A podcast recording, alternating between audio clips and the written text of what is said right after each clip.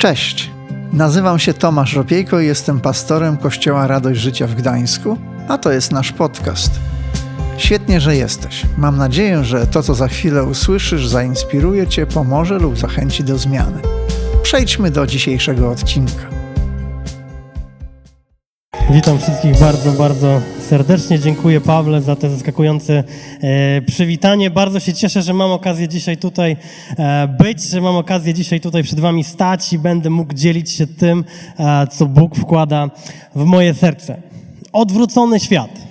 Odwrócony świat to temat cyklu, w którym jesteśmy przez cały wrzesień. I myślę, że dzisiaj w pewnym sensie żyjemy w takim świecie, w odwróconym świecie. Gdyby porównać to, co było rok temu z tym, co jest dzisiaj, to myślę, że widzimy pewne różnice. Są jakieś rzeczy, które są odwrócone.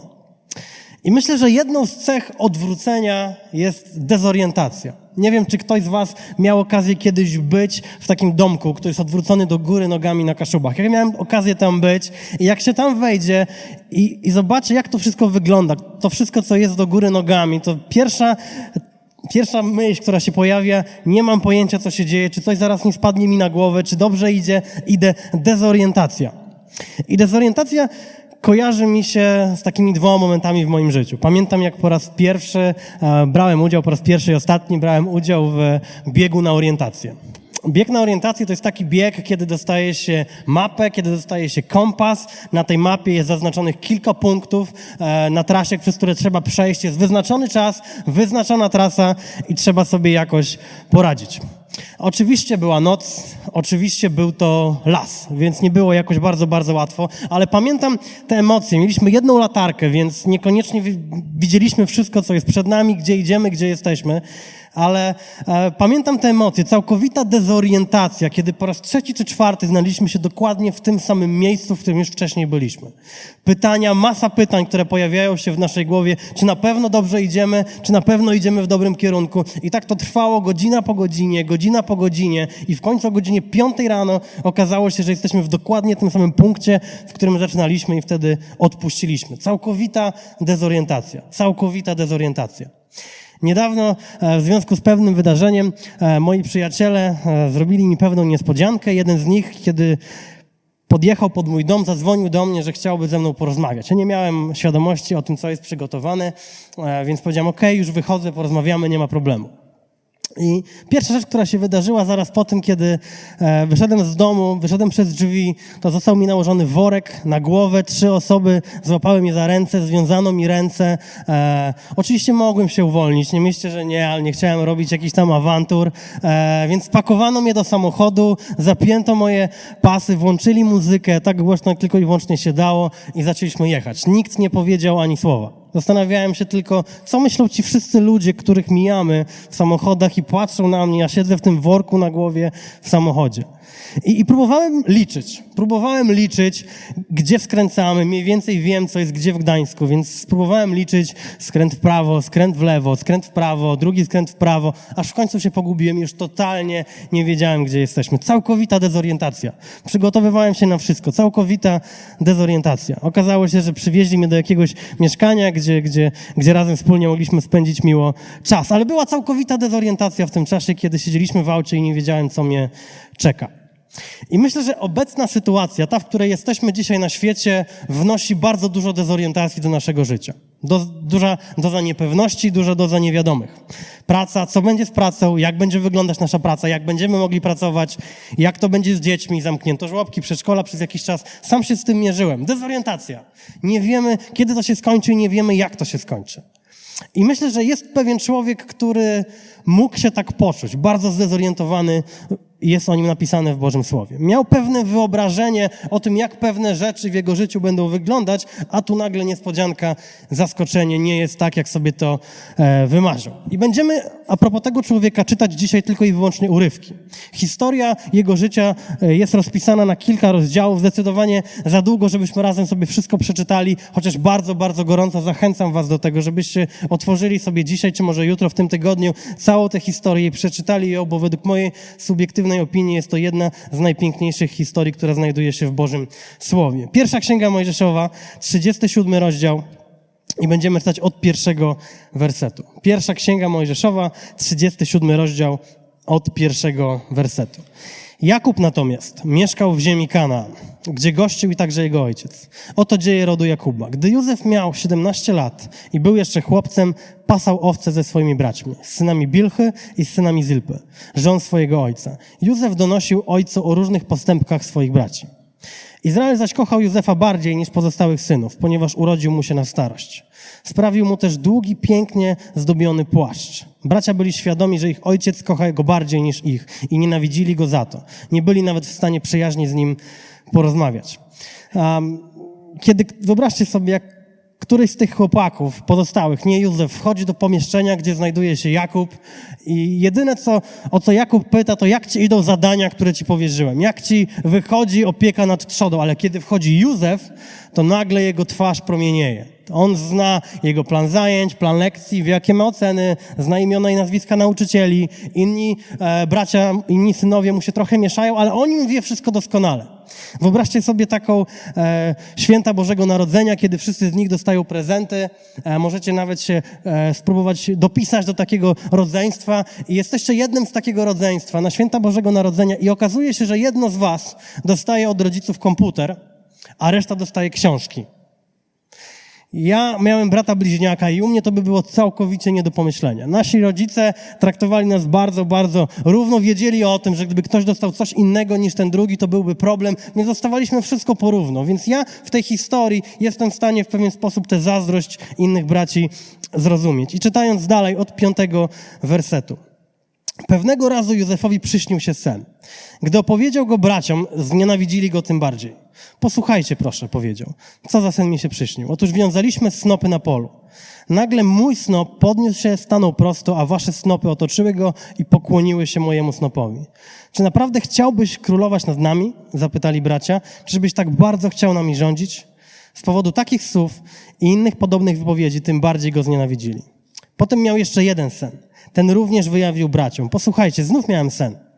Tym razem kłaniało mi się słońce, księżyc i jedenaście gwiazd. Gdy opowiedział o tym ojcu i braciom, ojciec upominał go nawet, co też znowu ci się przyśniło? Czy ja, twoja matka i bracia mamy przyjść i pokłonić się do ziemi? Braci trawiła zazdrość, ojciec jednak zachował tobie, sobie te sprawy w pamięci.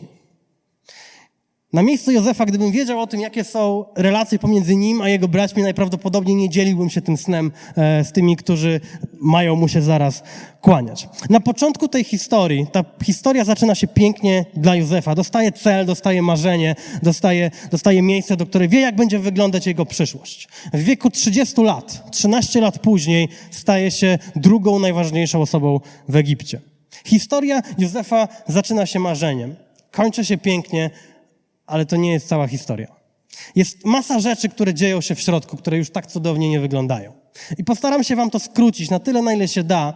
Na początku tej historii Józef zostaje, e, jest zaplanowany, żeby go zabić przez swoich braci zmieniają swoje zdanie, wrzucają go do studni, po czym jeszcze raz zmieniają swoje zdanie i sprzedają go kupcom, którzy jadą do Egiptu. Jego bracia podejmują decyzję, że chcą upozorować jego śmierć, więc jego płaszcz, który dostał od ojca, o którym czytaliśmy, zanurzyli w krwi baranka i przynieśli go do jego ojca, żeby myślał o tym, że to dziki zwierz go zabił.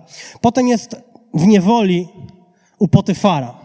To jest moment dezorientacji. Panie Boże, jak to się mogło zdarzyć, że jestem tutaj, a dałeś mi taki sen? Moment dezorientacji. Jest u Potyfara, jest niewolnikiem Potyfara, który zdaje sobie sprawę z tego, że nagle w jego domu wszystko zaczyna wyglądać pięknie i mianuje Józefa zarządcą swojego domu.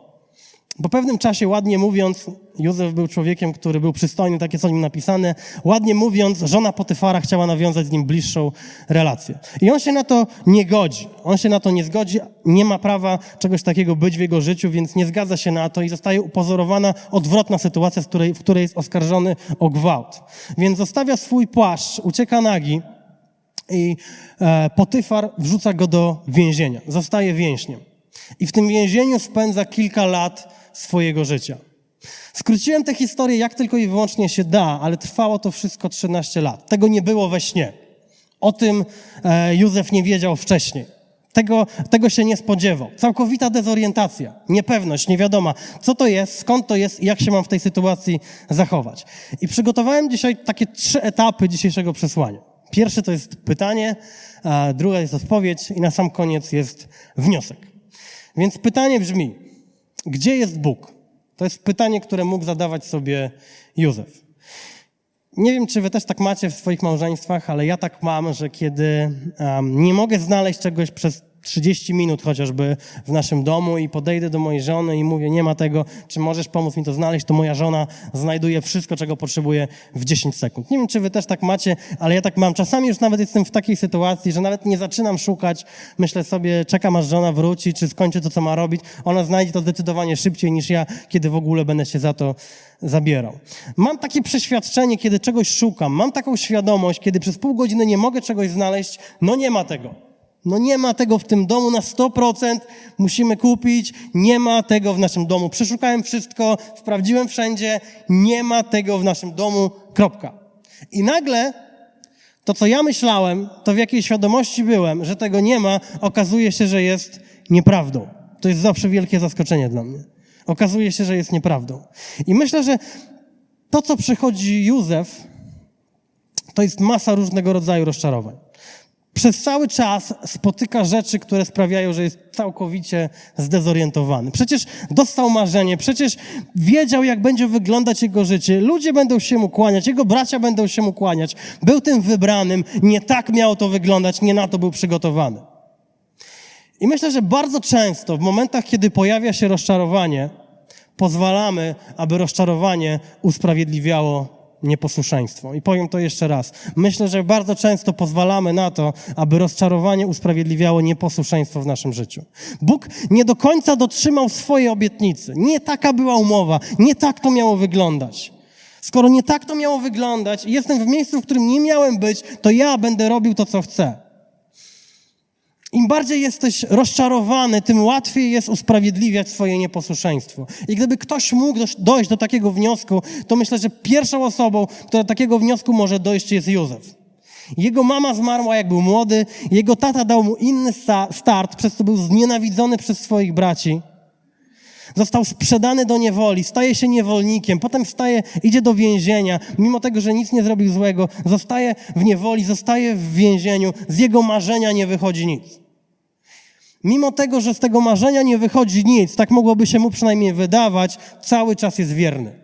Cały czas jest wierny i utrzymuje pewne standardy. W domu Potyfara, kiedy żona Potyfara chciała mieć bliższą relację z nim, są pewne słowa, które mówi, które mówi Józef. 39 rozdział, 9 werset jest napisane: Jakże miałbym popełnić tak wielką niegodziwość i jednocześnie zgrzeszyć przeciw Bogu?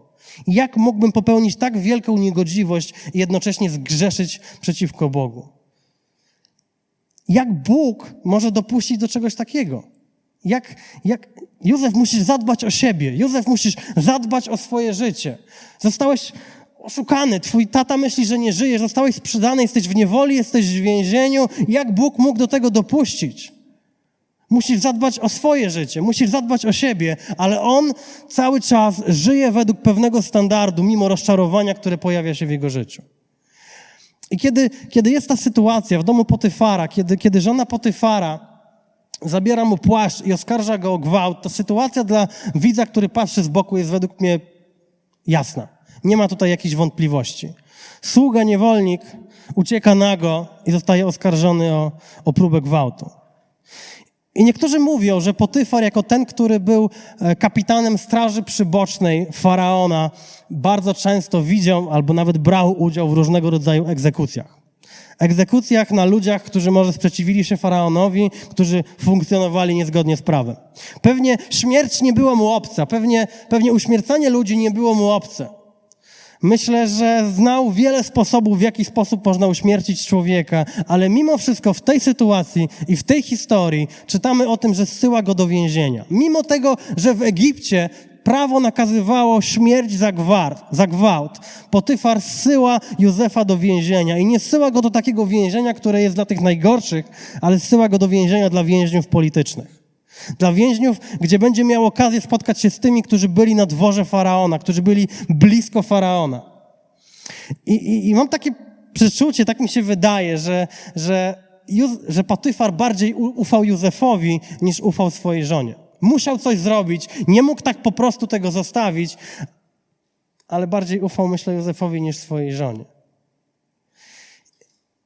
I wrzuca Józefa do więzienia, mimo tego, że ten nic nie zrobił. Wrzuca go do więzienia. Myślę, że bardziej ufa jemu, dlatego że widzi pewne standardy, według których żyje Józef w swoim życiu. Myślę, że mu ufa, dlatego że widzi, w jaki sposób przez ten cały czas, kiedy jest w jego domu, funkcjonuje Józef i jest w stanie wierzyć, że to on mówi prawdę. Ale zsyła go do więzienia gdzie spędza kilka lat. Jeden werset mówi, i spędził tam dwa lata. To był naprawdę długi czas, który Józef spędza w więzieniu. Mówiąc w więzienie, mam na myśli jakaś tam dziura gdzieś w ziemi. Nie zrobił nic, żeby się tam znaleźć. Absolutnie nic, żeby się tam znaleźć. Adam i Ewa zjedli z drzewa, którego nie mieli jeść i w związku z tym spotkali się z konsekwencjami. Abraham i Sara wprowadzili zbyt blisko Hagar do swojego życia. Ich decyzja. Ale Józef nie zrobił nic. On nie zrobił absolutnie nic, o czym czytamy, co mogłoby spowodować, że znajdzie się w tym miejscu, w którym jest. Nie zrobił absolutnie nic. To nie był jego grzech, to nie było jego nieposłuszeństwo, to nie był jego bunt, to nie była jego niewierność, to nie była jego wina. Gdzie jest Bóg? Jak mógł do tego dopuścić? To nie było jego nieposłuszeństwo, to było po prostu życie. Dla, gdzie jest Bóg? Dlaczego tak się dzieje? I mimo tego, że mógł zadawać sobie te pytanie, nie zmienił standardów, według których funkcjonował.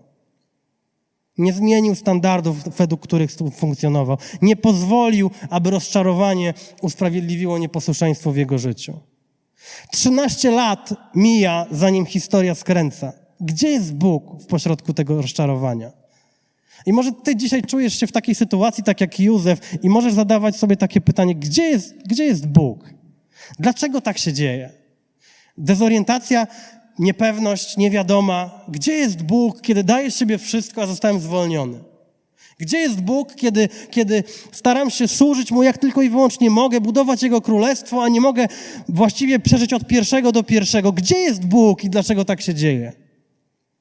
Gdzie jest Bóg, kiedy, kiedy mój syn czy moja córka poszło nie w tą stronę, którą bym chciał? Gdzie jest Bóg w tym wszystkim? Gdzie jest Bóg, kiedy się modlę i się nic nie zmienia? Gdzie jest Bóg? Dzisiaj pyta cały świat w okolicznościach, w których jesteśmy. Gdzie jest Bóg w tym wszystkim? I to jest pytanie, które mógł zadawać sobie Józef. Na początku miało być pytanie, więc jest i odpowiedź. Bardzo prosta. Najprostsza z możliwych. Pan był z nim. To jest odpowiedź, którą my znamy dzisiaj. Pytanie to pytanie, które mógł zadawać Józef, ale odpowiedź jest tą, którą my znamy dzisiaj. Kiedy mój syn kładzie się spać, zasypia i nagle w środku nocy się budzi, to zawsze woła tata chodź. Nie ma możliwości, możliwości, żeby zasnął po raz drugi sam. Nie ma takiej opcji. Zawsze woła tata, nie wiem czemu, zawsze ja muszę przychodzić, ale zawsze przychodzę i muszę się położyć koło niego, żeby on mógł zasnąć. Jest taki moment niepewności, kiedy ja nie wiem, czy on już śpi, czy jeszcze nie. I to jest takie pytanie, które sobie zadaję, czy może jeszcze poczekać minutę, aż na pewno zacznie, czy mogę już może wyjść. I za każdym razem, kiedy popełnię błąd i wyjdę troszeczkę za szybko i usłyszę choćby skrzypnięcie jednej deski, która jest w naszym pokoju, od razu ja już wiem, zaraz słowa tata wracaj, tata chodź. Dopiero jak zaśnie, dopiero jak zaśnie, jest, dopiero jak zaśnie mogę wyjść. Jest to dla niego bardzo istotne, jest to dla niego kluczowe, żebym ja był blisko. I myślę, że kluczowe dla tej historii i bardzo ważne w tej historii jest to, że Pan był z nim. Ale to, co jest, to, co jest, to, co jest ciekawe, to to, że tą odpowiedź my mamy dzisiaj. My to dzisiaj wiemy, czytając pierwszą księgę Mojżeszową, że Pan był z nim. Otworzymy pierwszą księgę Mojżeszową 39:2, a Pan był z Józefem i czynił go człowiekiem sukcesu, a służył on w domu swego pana Egipcjanina. No i pięknie. Pan był z nim. 21. Pan jednak był z Józefem, zapewnił mu łaskę i życzliwość przełożonego więzienia. Jak to pięknie się czyta. Ale Józef nie czytał pierwszej księgi Mojżeszowej. Nie doczytał się, że Bóg był z nim. Nie znał końca tej historii. Pewnie nachodziły go takie momenty myślenia w jego życiu, nie miał świadomości, że Bóg jest gdzieś blisko i pojawiało się to pytanie, gdzie jest Bóg, a odpowiedzi jeszcze nie było, nie było jej nawet na horyzoncie. Dwukrotnie jest napisane, że Pan był z nim. Mimo tego, że był w miejscach, których sam sobie nie zaplanował, Pan był z nim. Mimo tego, że był w miejscach, o których nie wiedział, że będzie, Pan był z nim. Okazuje się, że nie jest sam w tym wszystkim, co mu się przytrafiło, jest Bóg z nim.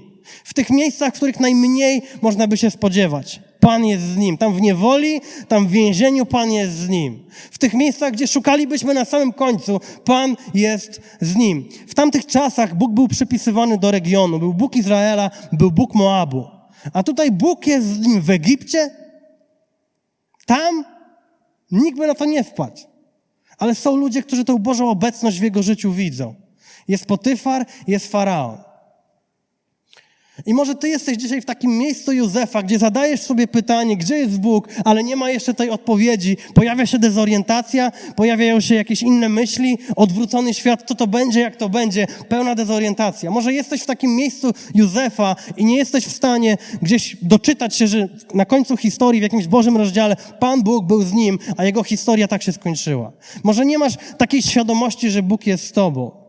Chcę ci powiedzieć, że nie ma miejsca, do którego Bóg nie dotrze. Był tam w Egipcie z Józefem, nie ma miejsca i nie ma momentu, do którego Bóg nie może, nie może się dostać i w którym się nie może pojawić. Czasem to jest miejsce największego bólu, czasem to jest miejsce największego cierpienia, a czasami te miejsca są również wielkim miejscem Bożej obecności, wielkiej obecności. I czasami tak jest, że Bóg zmienia naszą sytuację. Czasami tak jest, ale czasami tak się nie dzieje. Niekoniecznie zawsze jest stary ty i nowa sytuacja. Czasem jest nowy ty, a stara sytuacja. To jest trudniejsze. To jest zdecydowanie trudniejsze. To może, może sprawić, ale wtedy, kiedy tak się dzieje, to może sprawić, że stara sytuacja wygląda jak nowe miejsce. My zawsze oczekujemy, że Bóg zmieni miejsce i naszą sytuację, ale czasami to po prostu Bóg zmienia nas. Bóg zmienia nasze podejście, nasze spojrzenie. Bóg po prostu zmienia nas i na pewne rzeczy, na które narzekamy, zaczynamy na nie patrzeć jako możliwości. Stara sytuacja wygląda jak nowe miejsce, dlatego że Bóg przemienił nas. I kiedy otworzymy list do Rzymian, ósmy rozdział, 28 werset, jest napisane: A wiemy, że kochającym Boga to jest tym, którzy są powołani zgodnie z Jego planem, wszystko służy ku dobremu. A wiemy, że kochającym Boga to jest tym, którzy są powołani zgodnie z Jego planem, wszystko służy ku dobremu. Jest napisane wszystko. Tam nie ma ale, nie ma jakiegoś podpunkciku. Wszystko służy ku dobremu. Kiedy spojrzymy w swoje życie, to jest masa rzeczy, które byśmy najchętniej wyrzucili, sytuacji, których byśmy się pozbyli, ale jest napisane, wszystko służy ku dobremu. I kiedy spojrzysz na swoje życie i dojdziesz do wniosku, które elementy są tymi, na które narzekasz, których chcesz się pozbyć, i kiedy spojrzysz na nie z innej perspektywy, jako te, które są tymi, które wszystkie prowadzą ku dobremu, to może zupełnie inaczej odnajdziesz się w sytuacji, w której aktualnie jesteś. Co możesz z tym zrobić? Jak to może się zmienić, kiedy Bóg zmieni ciebie, a nie zmieni twojej sytuacji? Więc było pytanie, gdzie jest Bóg? Pytanie, które mógł zadawać sobie Józef i pytanie, które możemy zadawać sobie my. Jest odpowiedź, której Józef nie znał, ale które znamy my. Pan był z nim. Odpowiedź również dla nas. Pan jest z tobą. W tej dezorientacji, w tych pytaniach niewiadomej, Pan jest z tobą. I na sam koniec wniosek. Wracając do tematu dezorientacji. Myślę, że najczęściej dezorientacja pojawia się wtedy, kiedy zgubimy z oczu cel. Kiedy zgubimy z oczu trasę, którą mieliśmy iść. Pewien pracownik kopalni, górnik, pracował od wielu, wielu lat w kopalni. I nadszedł jeden dzień, kiedy skończył się jego czas pracy, idzie do wyjścia z tej kopalni i turla przed sobą beczkę. I dochodzi do tego wyjścia, przy wyjściu zawsze czeka ochroniarz i ochroniarz zadaje mu pytanie, co masz w tej beczce, co wynosisz z naszej kopalni. On mówi, mam tam tylko kilka trocin. On, ochroniarz mówi, ok, musisz otworzyć beczkę, musisz otworzyć pudełko, muszę zobaczyć, jak to wygląda. Więc otwiera tą beczkę, wyjmuje takie małe pudełeczko z tej beczki, faktycznie jest tam tylko i wyłącznie kilka trocin. I ochroniarz mówi, ok, możesz, możesz wyjść, możesz wziąć. I tak samo mija drugi dzień, trzeci dzień, czwarty dzień, i piątego dnia dzieje się dokładnie ta sama sytuacja. Jest ten sam ochroniarz, który zadaje te same pytanie, co masz w tej beczce, co, co niesiesz w tej beczce, co wynosisz. On mówi, dalej mam trociny, nic się nie zmieniło. On mówi, okej, musisz otworzyć beczkę, otwórz pudełeczko, otwiera beczkę, otwiera pudełeczko, są trociny. I ochroniarz patrzy na niego i mówi, mam takie nieodparte wrażenie, że coś kradniesz. Nie wiem, co to jest, ale mam takie nieodparte wrażenie, że coś wynosisz z naszej kopalni.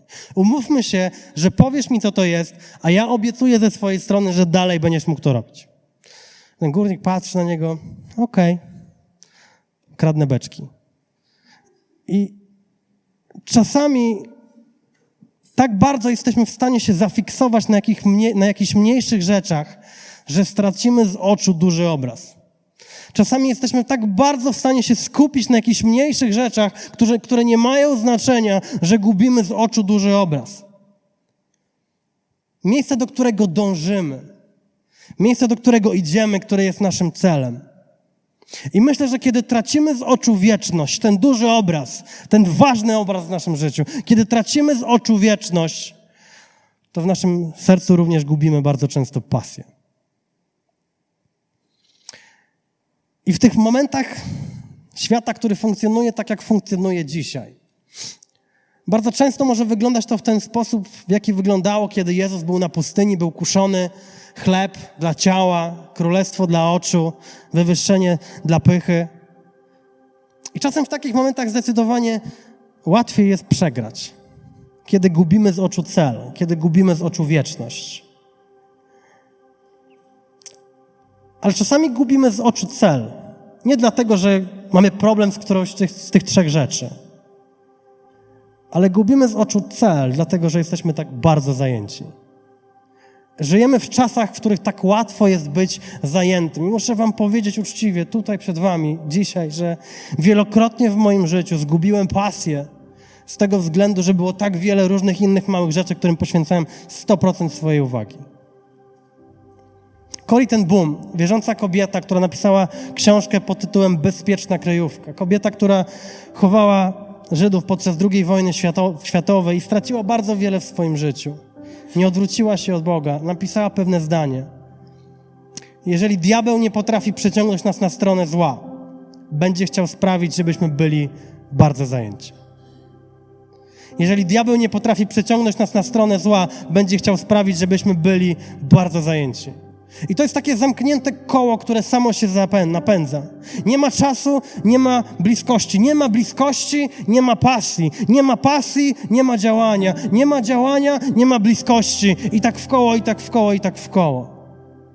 I myślę, że w czasach, w których jesteśmy, szczególnie w tych czasach, powinniśmy być tymi, którzy opierają nasze życie na tym, co jest pewne. Nie na tym, co jest chwiejne, ale na tym, co jest trwałe pośród tak wielu różnych głosów i opinii nasza misja, misja Kościoła pozostała niezmienna. Misja w społeczeństwie się nie zmieniła. Misja każdego z nas, jako naśladowców Jezusa Chrystusa, się nie zmieniła. Takie trudne czasy jak te, tym bardziej wymagają, abyśmy jako Kościół stanęli na wysokości zadania. My mamy być światłością światła, ludźmi, którzy, którzy swojemu otoczeniu pokazują, gdzie jest właściwy kierunek, wskazują na Chrystusa na potrzebę i możliwość zbawienia. Nie chcemy, nie, nie chcemy tylko nie stracić z oczu wieczności, ale chcemy być drogowskazem dla tych zdezorientowanych. Nie chcemy tracić tego wielkiego obrazu, fiksując się na opiniach, na zdaniach, na tych małych rzeczach, które bardzo łatwo mogą sprawić, że będziemy zajęci. Chcemy, chcemy mieć ten obraz naszego celu wieczności, do którego idziemy, i z tą perspektywą chcemy funkcjonować i z tego spojrzenia chcemy żyć. Co możemy zrobić, aby tak było? Myślę, że nie ma nic lepszego, jak bycie blisko Jego słowa i blisko obecności. Nie ma nic lepszego, co możemy zrobić w tym czasie, aby jeszcze bardziej zagłębić się w Boże Słowo, które jest niezmienne. Opinie, zdania się zmieniają, Jego Słowo się nie zmienia. Możemy utrzymać standard tak jak utrzymał go Józef. Możemy nie pozwolić na to, aby pewne rozczarowanie czy dezorientacja sprawiło, że zaakceptujemy nieposłuszeństwo w naszym życiu. I w ten sposób, kiedy utrzymamy pewien standard, ludzie, którzy będą wokół nas, tak jak ludzie, którzy byli blisko Józefa, widzieli w nim Boga i miało to wpływ na to, jak wyglądało życie Józefa, ale też ich. Chcemy być wierni w tym, w jaki sposób funkcjonujemy. Chcemy być blisko. Chcemy utrzymać standard. I na sam koniec tej historii Józef staje się zwierzchnikiem, zwierzchnikiem więzienia. Wykłada dwa sny, które okazają się prawdziwe. Mijają dwa lata, pojawia się przed faraonem, któremu wykłada właśnie sen. Nikt inny nie, mógł, nie był w stanie tego zrobić, ale on wykłada sen faraonowi. W 41 rozdziale pierwszej księgi Mojżeszowej, w 37 wersecie jest odpowiedź faraona. Rozwiązanie to spodobało się faraonowi i wszystkim jego podwładnym. Czy znajdziemy człowieka podobnego temu, zapytał faraon, w którym byłby duch Boży jak w nim? Potem zwrócił się do Józefa: Skoro Bóg oznajmił ci to wszystko, nie ma nikogo, kto byłby tak rozsądny i mądry jak ty. Ty zatem będziesz zarządzał moim domem i Twoim poleceniom będzie bezwzględnie posłusznie cały mój lud. Tylko tronem będę Cię przewyższał. I dalej powiedział faraon Józefowi: Zobacz, oddaję Ci w zarząd całą ziemię egipską. Po tych słowach faraon zdjął sygnet ze swej ręki i włożył go na rękę Józefa. Następnie kazał go odziać w szaty z delikatnego płótna i zawiesił złoty łańcuch na jego szyi. Co za zwrot akcji! Stryknięcie palcem i nagle z więzienia stał się drugim najważniejszym w Egipcie. Ale to, co myślę jest najciekawe w tym, co faraon zrobił, jest to, że jedną z pierwszych rzeczy, którą Józefowi dał, jest nowa szata. Nie wiem, czy pamiętacie, ale Józef już dwie szaty w swoim życiu stracił. Pierwszą szatę stracił, kiedy jego bracia go sprzedali. Zdjęli z niego szatę, umoczyli ją w krwi baranka i zanieśli do, do swojego ojca, żeby myślał, że został zabity przez dzikie zwierzę. To była pierwsza szata, którą stracił. Mimo tego, że nie zrobił nic złego. I druga szata, którą stracił, stracił w momencie, kiedy został osądzony o gwałt przez żonę Potyfara. Jego szata została w rękach żony Potyfara. To była druga szata, którą stracił. I jedną z pierwszych rzeczy, którą daje mu faraon, jest nowa szata. Oddaje mu to, co stracił. Mimo tego, że o tym nie wiedział. To mi pokazuje, że to Bóg pisze historię. Pamiętałem. Wiem, co straciłeś. Widziałem to wszystko. Cały czas byłem z Tobą. Nie zapomniałem. Widziałem, co się działo. Za każdym razem, kiedy miałem świadomość w swoim życiu, że coś tracę, a niejednokrotnie miałem, po jakimś czasie pojawiał się Bóg i okazywało się, że dla mnie ma coś lepszego. Czasem to trwało bardzo długo, ale jeszcze nigdy nie było inaczej niż tak, że przychodził Bóg, który miał dla mnie coś lepszego. Jeszcze nigdy nie było inaczej. To Bóg pisze historię. Bóg dał mu marzenie i Bóg dał rozwiązanie. On go przeprowadził od początku do końca. Może nie tak wyobrażał sobie Józef, że będzie wyglądało jego życie. Ale myślę, że to, co najważniejsze, to to, że Pan był z nim. W tych momentach dezorientacji, niepewności i niewiadomej, Pan był z nim i ten cel nigdy nie znikł z jego oczu. I chciałbym się pomodlić. Na sam koniec chciałbym się pomodlić o to, aby z naszej perspektywy i z naszych oczu nigdy nie znikła pasja dla budowania Bożego Królestwa. Aby nigdy nie znikła ta perspektywa nieba. Ten cel i marzenie, do którego chcemy iść, aby to nigdy, nigdy nie znikło sprzed naszych oczu, aby to było najważniejsze, aby to było kluczowe, abyśmy o tym nie zapominali, aby to nas napędzało. Nie chcemy się rozpraszać tym wszystkim, co się dzieje, ale chcemy patrzeć na to, co jest przed nami, na niebo i na wieczność, którą Bóg nam obiecuje. I w tym standardzie chcemy funkcjonować. Więc chciałem się pomodlić, jeśli możemy powstać wszyscy, ja już kończę. O to, żeby Bóg wlewał w nasze serce pasję do działania i aby nigdy nie pozwolił nam się rozproszyć i zgubić z oczu perspektywę wieczności. Abyśmy zawsze z taką perspektywą przed siebie patrzyli i w taki sposób funkcjonowali. Panie Boże, tak dziękujemy Tobie za to, że Ty nas nigdy nie opuszczasz. Tak dziękujemy Tobie za to, że Ty zawsze jesteś z nami. Tak jak z Józefem w tych miejscach najtrudniejszych i najciemniejszych, tak też jesteś z nami i nas nie opuszczasz. I Ojcze, nie chcemy się rozpraszać tym wszystkim, co się wokół nas dzieje. Nie chcemy zgubić tego dużego obrazu, obrazu wieczności sprzed naszych oczu. Chcemy funkcjonować i myśleć w taki sposób, że to Ty jesteś dla nas najważniejszy, Ojcze.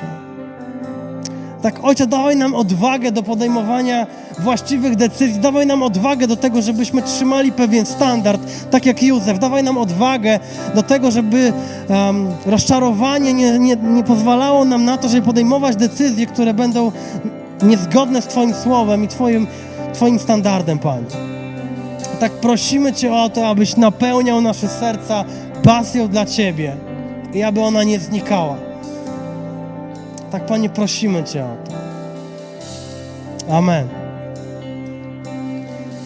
Józef jest takim starotestamentowym, jest taką starotestamentową zapowiedzią Jezusa Chrystusa.